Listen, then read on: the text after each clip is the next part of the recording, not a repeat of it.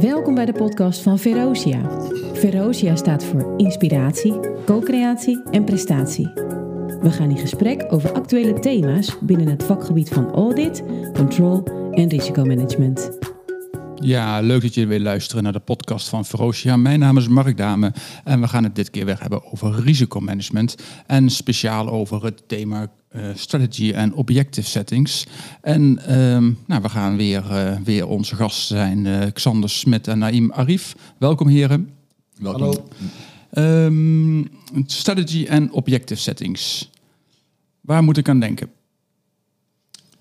Xander. Ja, het is het, het de tweede pijler, eigenlijk de tweede poot in, uh, in het uh, nieuwe COSO-model. En um, de eerste die we behandeld hebben, governance and culture, die gaat er eigenlijk over um, dat je van tevoren goed nadenkt over je organisatie en de afspraken die je wil maken en de, um, uh, de waardes van waaruit je eigenlijk wil ondernemen als organisatie.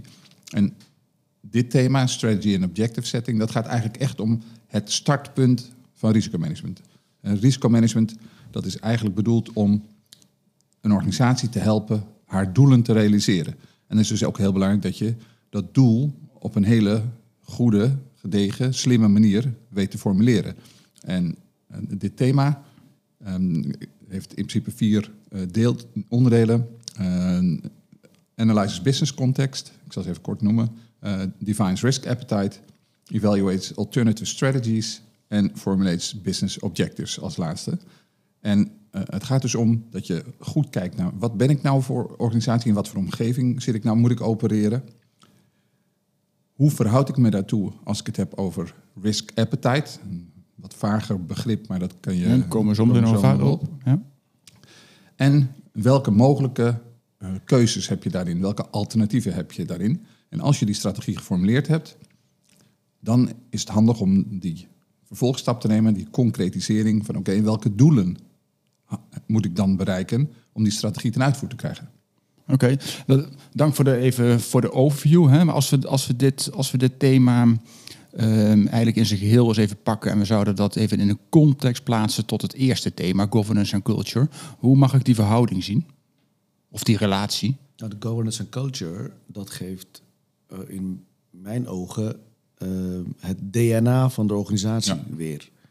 En het gaat over de kernwaarden, de manier van waarop leiding gegeven wordt, de manier waarop mensen worden geïnspireerd, uh, taakverdelingen, wie rapporteert aan wie, wie valt onder wie. Ja. Uh, welke structuur kiezen we? Zijn we heel erg decentraal georganiseerd of juist heel centraal georganiseerd? Dat soort keuzes. hoe is het bestuur geregeld? Toezicht daarop? Dat is allemaal governance en culture. Dit onderdeel van het model uh, zoals Xander al uh, toelichtte, gaat over ehm, de omgeving waar de organisatie haar bestaan aan ontleent. Dus wat, wat ga ik doen in de markt of in de sector of in de branche waar ik zit? Wat ga ik daarin doen? Welke producten, welke diensten ga ik aanbieden? En waar is behoefte aan? En waar, dus welke, ben ik een niche-speler of ben ik uh, uh, een van de velen? Of ga ik voor cost leadership of ga ik voor kwaliteit? Hè? Wil ik een overdrachtelijke zin een Lidl zijn? Of wil ik een Aldi Aldi zijn? Of wil ik een Albert Heijn zijn? Dat zijn hele fundamentele keuzes. Ja, ik geef ook wel eens het voorbeeld. Sorry dat ik je onderbreek. Uh, ik geef ook wel eens het voorbeeld. dit thema dat is vooral de koers. En in het eerste thema heb je eigenlijk geprobeerd te bepalen... en op wat voor boot vaar ik dan? Ja, is het een uh, marinefregat met een hele strakke hiërarchie en één baas... en uh, nou, iedereen in het teken van één grote taak? Of is het een, um, een cruiseschip waar de klanten de baas zijn eigenlijk? Hè? Dus uh, op wat voor boot wil ik varen? Dat is dat, het eerste thema. En hoe, mm -hmm. hoe moet je dat dan organiseren? En hier gaat het vooral over... en hoe bepaal ik nou welke koers? Is het een... Is het een een rit uh, en, naar de Caribbean of is het een rit door de Oostzee? Ja, en ik denk daarvoor nog, voordat je koers bepaalt, bepaal je de eindbestemming. Ja. Uh, waar, waar wil ik naartoe? En de manier waarop, dat is dan de koers. En dan kun je allerlei metaforen uit scheepvaart erop loslaten. dat is echt waar, dat is heel grappig. Maar alle metaforen van stuurman en uh, hè, geen man overboord en... en eh, het, het, het, het roer omgooien en eh, sturing geven. Allemaal maritieme termen die prima toepasbaar zijn bij een organisatie. En dus voor mij gaat eh Analyze Business Context heel erg over eh, eh, hoe gaat het bedrijf voorzien in de behoefte die in de markt is. En eh, eh, ehm, de, de keuze van producten, de keuze van markten, de keuze van klanten. En waarom is dat zo belangrijk als we het hebben over risicomanagement? Nou, ik denk, eh, dit thema is eh, op zich staat los van, van risicomanagement. Mhm. Dit gaat veel meer, bijvoorbeeld vorige keer in de vorige podcast hebben we ook uitgesproken dat risicomanagement inherent is aan het ondernemen. Ook al gebruik je die term nooit, maar je bent er wel mee bezig. En in dit geval gaat het gewoon om welke, hoe klein of hoe groot een bedrijf ook is, eh, of het nou een start-up is of scale-up of veel ouder bedrijf. Dit gaat om eh, de welke keuze heb je gemaakt toen je, ehm, eh, nou ik wil niet zeggen ontstond, maar toen je in de markt stapte. Hoe wil je, want een organisatie, in mijn overtuiging, ontleent een bedrijf of een organisatie haar bestaansrecht aan de omgeving. Ja, oké, die, die, die snap ik. Maar, maar waarom is het zo belangrijk of zo fundamenteel of zo eh, essentieel als we het hebben over risicomanagement? Het zijn eigenlijk de omgevingsfactoren waarbinnen Ja. jij als organisatie moet acteren. En ehm, eh, dus dat is dat, die business context, dat is de omgevingsfactor. Maar in dit thema valt ook risk appetite. hè. En risk appetite, ik vertaal het altijd als hoe kijk je naar risico's en hoe verhoud je je daar vervolgens toe. Ehm, Als je Noem onder- een voorbeeld. als je ondernemend ingesteld bent, dan, ehm, en je spreekt relatief slecht Chinees, dan zeg je- zeg je, nou goed, als ik naar China ga, is dat gevaarlijk, want als er een ongeluk gebeurt, dan kan ik niet snel naar het ziekenhuis. Maar eh, als je dat wel interessant genoeg vindt, dan eh, ga je daar toch heen en neem je dat risico. Ik spreek zelf best wel slecht Chinees en ik neem dat risico niet. Dus ik zie, net als ieder ander, het risico van niet Chinees kunnen spreken. Dat is eh, risicoperceptie. Maar hoe ik me daartoe verhoud, ik maak dan de keuze, oké, ik ga niet. Maar een, een ondernemend, reisluchtig iemand die zegt, goh, ik heb altijd al China een keer willen zien. Die zegt, nou, ik ga wel. En dat, en dat tekent twee soorten risk appetite. Dus je kijkt naar je omgeving en vervolgens zeg je, oké, en wat ga, hoe ga ik me daartoe verhouden? Wat ga ik dan nu doen met z'n allen? En dat is heel belangrijk eh, als startpunt, als uitgangspunt. Want dat bepaalt natuurlijk waar je je tegen moet wapenen. Als je dan naar China gaat, dan is het handig als je een, een vertaal-app hebt. Als je niet naar China gaat, hoef je, hoef je die app niet te hebben.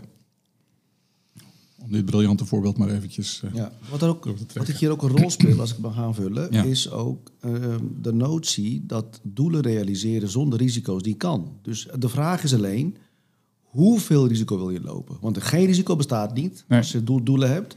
Maar ja, hoeveel, daar kun je het wel over hebben. Ik, wil, ehm, ik ben heel risicoavers, dus ik wil, elke risico wil ik uitsluiten. Of, nou, ik ben eh, niet zo moeilijk. eh, eh, risico, dat, dat kan ik, ik kan wel tegen een stootje. Het is een andere houding tegen van risico's. Je kunt ook hebben dat je risico-appetite per onderwerp verschilt. Ja.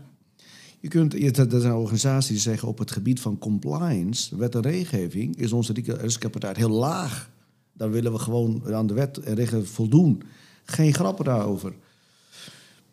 Eh, en eh, als het gaat om echte ondernemersrisico's ten aanzien van onze strategie, ten aanzien van onze, dat we als we nieuwe markten betreden, als we nieuwe producten introduceren, dan zijn we m- meer risico te lopen. Dus de risicopartij daar is dan hoger. Dus dat, dat kan ook per thema verschillen.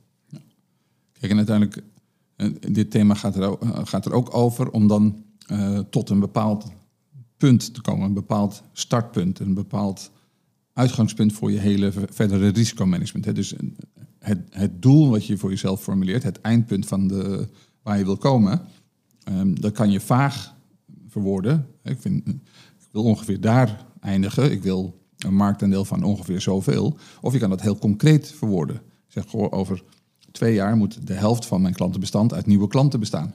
En Dat zijn Ja. concrete doelen. En als je dat weet, hoe, hoe concreter, hoe beter voor de communicatie en de, de sturing, eh, zeg ik altijd.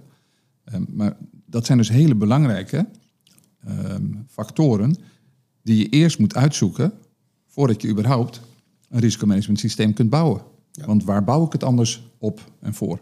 Ja, dus een soort, het soort fundament of zo van zometeen mijn Ja. ehm, risicoanalyse zelf. Ja. Oké. Ja, als jij gaat, eh, gaat fietsen, gewoon een, een eindje op, op de fiets, dan doe je geen helm op. Maar ga je mountainbiken in het bos met gladde eh, takken en wortels, en, ja, dan doe je een helm op. Nou, het, het feit dat je gaat fietsen, ehm, aan zich geeft nog geen verschil. Maar waar je dat gaat doen, dat maakt dat je dan dus andere beheersmaatregelen, een helm of geen helm, eh, gaat pakken. Ja. Ja, we, het is een mooi voorbeeld, want we hebben het over riskappetijt. En wij in Nederland zeggen we dan risicobereidheid, bij gebrek aan beter. Ja. Maar d- we hebben het nu over bedrijven, maar individuen, gewoon wij, jij en ik, hebben ook risicobereidheid. En dat kan ook per persoon verschillen. Dat kan zelfs per levensfase verschillen. Ik heb een vriend van mij die eh, was niet vies van eh, wilde sporten, skydiven en bungee jumpen. En toen was hij vader geworden.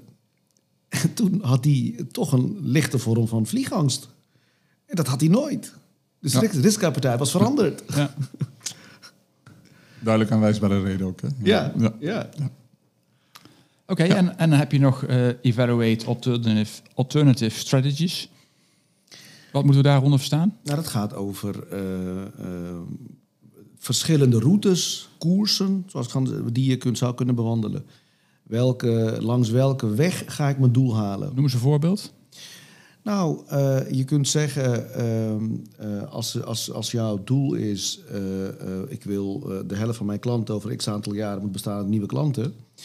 Dat kun je doen door eh, eh, eh, eh, een bepaalde marketingstrategie te bereiken. En dat, daar kun je nog keuzes in maken. Eh, ga ik eh, online mijn kanalen aanzetten? Ga ik mond, mond tot, tot mond reclame gebruiken?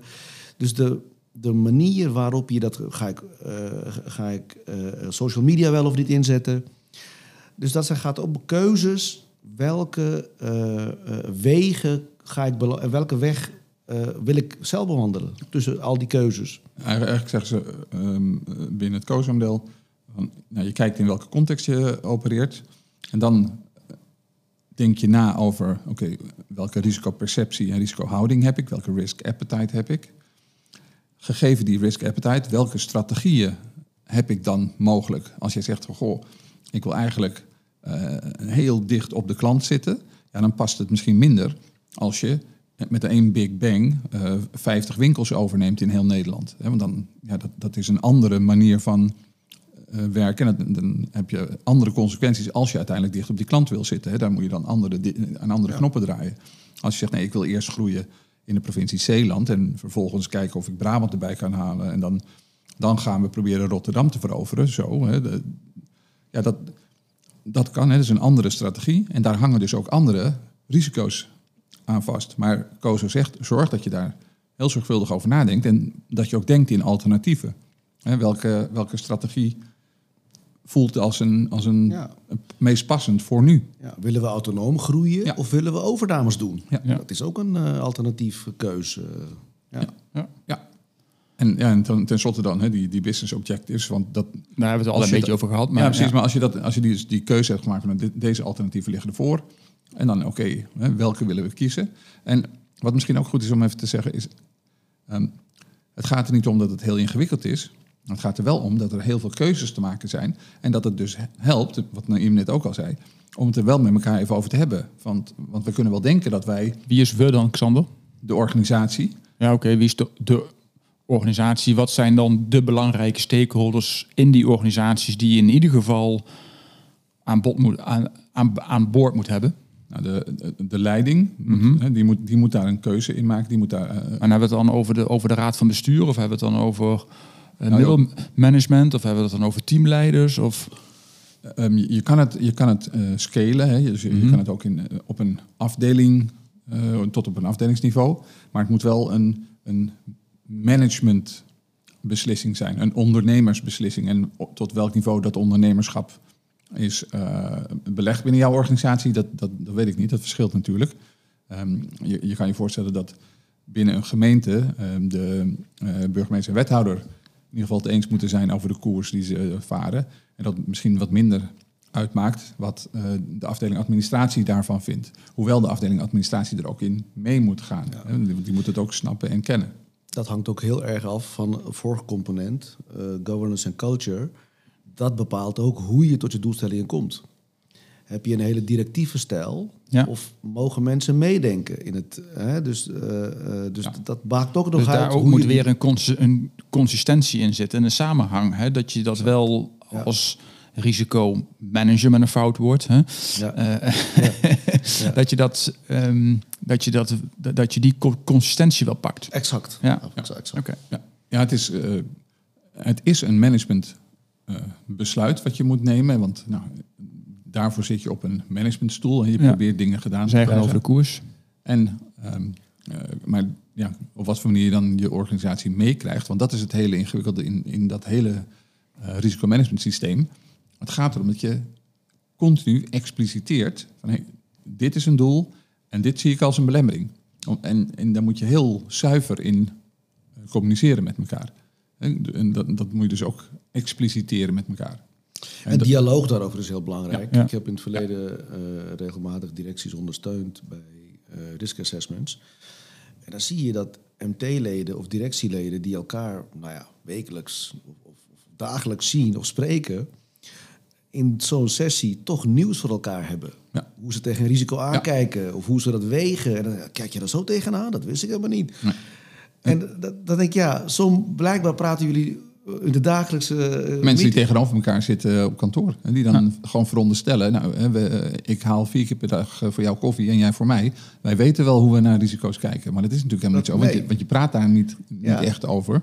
Anders dan in een eh, expliciete Ja. eh, event als een Ja. risk and control Dus ik heb ook regelmatig feedback gehad van eh, eh, mensen. Van, goh, eh, eh, die, die risicoscores en die prioritering is hartstikke leuk. Maar het waardevolle was dialoog met elkaar over risico's. Oké, ehm, dan denk ik dat we aan het einde gekomen zijn van eh, deze podcast. Eh, bedankt voor het eh, luisteren en ehm, eh, tot de volgende podcast. Want dan gaan we het hebben over eh, performance. Tot de volgende keer. Tot de keer. Dank jullie wel. thank you